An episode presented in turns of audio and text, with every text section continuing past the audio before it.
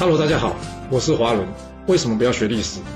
因为学历史会让你了解到顶层阶级的思考方式，成为他们的竞争者，所以他不希望你去学。还有学历史会让你看到许多前人成功及失败的案例，你的竞争对手想要好好的睡个觉，所以他也不希望你去学。最重要的是，学历史会让你了解人性，你的老板以及同事都希望你保持天真的心，所以他们更不希望你去学。就是因为这些原因，接下来我要跟你说的是故事，而不是历史。今天的主题是谁真正挺你？我们刚刚在春秋第八十三节故事中有讲到，这公子昭为了避免楚灵王责怪他，竟然一剑把自己的兄弟给杀了。后来呢，更是献上了陈国整个国家给这楚国啊。只能说还好这公子刘跑得快哦，要不然这会被公子昭一剑砍下来。可能不是那个公子过，而是他。所以，像这种没道德、只有利益结合的人，你觉得他会真心挺你吗？一定要弄清楚，他挺的其实一直都是利益跟好处，从来都不是你。哎，按照今天主题就说完了吗？还没啦，还记得吗？在今天故事当中，这晋昭公听到这韩起的建议啊，招来各国的使者，讨论要共同对抗楚国这件事吗？这么多的国家，这么多的人。结果怎么样？除了出一张嘴之外啊，竟然没有人愿意挺身而出。哎，听到这有没有很有即视感啊？目前的国际情势不也正是这样吗？想要别人帮你出兵打仗，那你得弄清楚啊，你对他有什么好处啊？因为国与国的交往啊，利益永远比道德重要啊。所以这件事啊，你得拿上面公子昭的例子来做样板参考。他为了自己自保啊，连兄弟国家都可以出卖了。那你说，别的国家为什么要为这一个小小的菜国拼死一战呢？要知道，出嘴的永远比出力的人多。平常没事就是好兄弟，我挺你；一旦出事呢，就是好兄弟，我也会干掉你。我记得之前我受训的时候啊，来上课的讲师讲了一个笑话，嗯，应该说是实话吧。这讲师呢，原先是在一个美国前五百大的大型外商公司服务啊，他的职务呢是在该地区的总经理。而他下面管理的代理商啊、经销商非常多。后来呢，他决定离开公司自行创业。那创什么业呢？就是现在他在对我们做的是人才培训啊。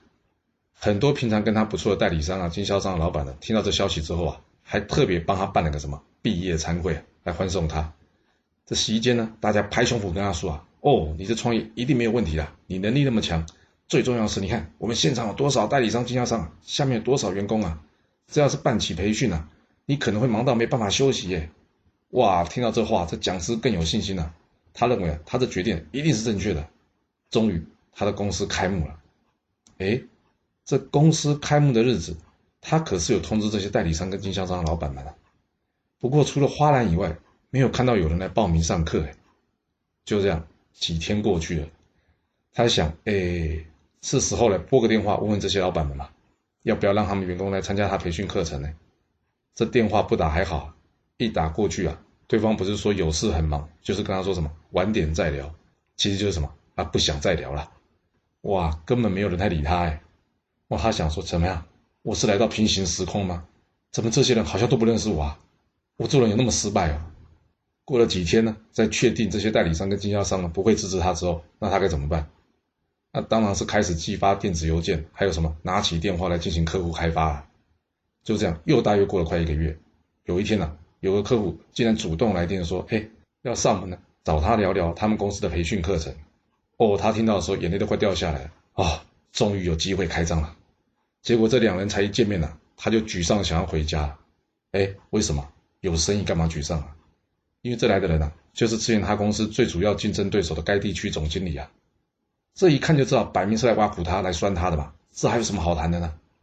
哎，不过来都来了，怎么样也要撑住面子，不能让对方看扁了嘛。没想到的是啊，那对方非常的诚恳呢，竟然真的认真的跟他讨论啊，这些培训课程要如何举办，还有呢，他想要达到什么效果，以及费用怎么算。最重要的是怎么样？他还跟他讨论啊，后续长期的培训服务要如何进行。后来呢，真的把合约签了，而且还是一年的长约。哇！这可让他懵了，这竞争对手总经理到底是在玩哪招啊？他怎么就看不出来啊？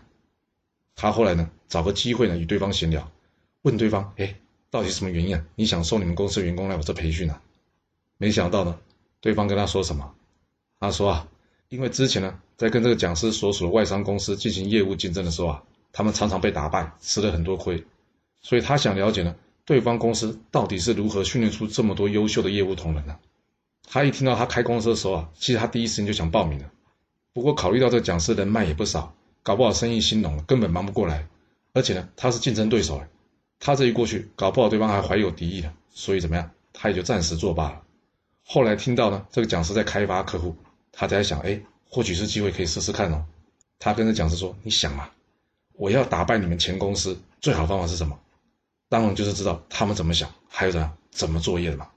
那，要是不行，至少要知道他们是怎么训练人的嘛。你说是吗？”这讲师最后开玩笑的跟我们说啊，这件事让他明白了一件事啊，就是啊。对自己的经销伙伴说的话，你听听就好，千万不要认真。而那些平常跟你说会听你的朋友啊，在你有需要的时候，也不一定会理你。至于竞争对手嘛，对他们也不要太残忍，因为啊，不知道哪一天可能会来帮忙你的，正好就是你之前的对手。当然了，我觉得这个讲师人还算正派了，或许呢是这竞争对手觉得他是个可敬的对手，加上人还正派，所以呢才怎么样。愿意帮他一个忙也说不定，你说是吧？若是你有其他想法，也欢迎你留言分享给大家您的看法哦。好啦，我们今天先说到这。如果你就是不听我的劝，想知道完整版的故事内容，你可以从说明栏找到我爱故事频道的连结。不过记住哦，你是来听故事的，而不是来学历史的。要是您喜欢这个频道，麻烦您动动您的手指，追踪留言。或是给我五星评价的支持以及分享，谢谢您来收听，我们下次再见。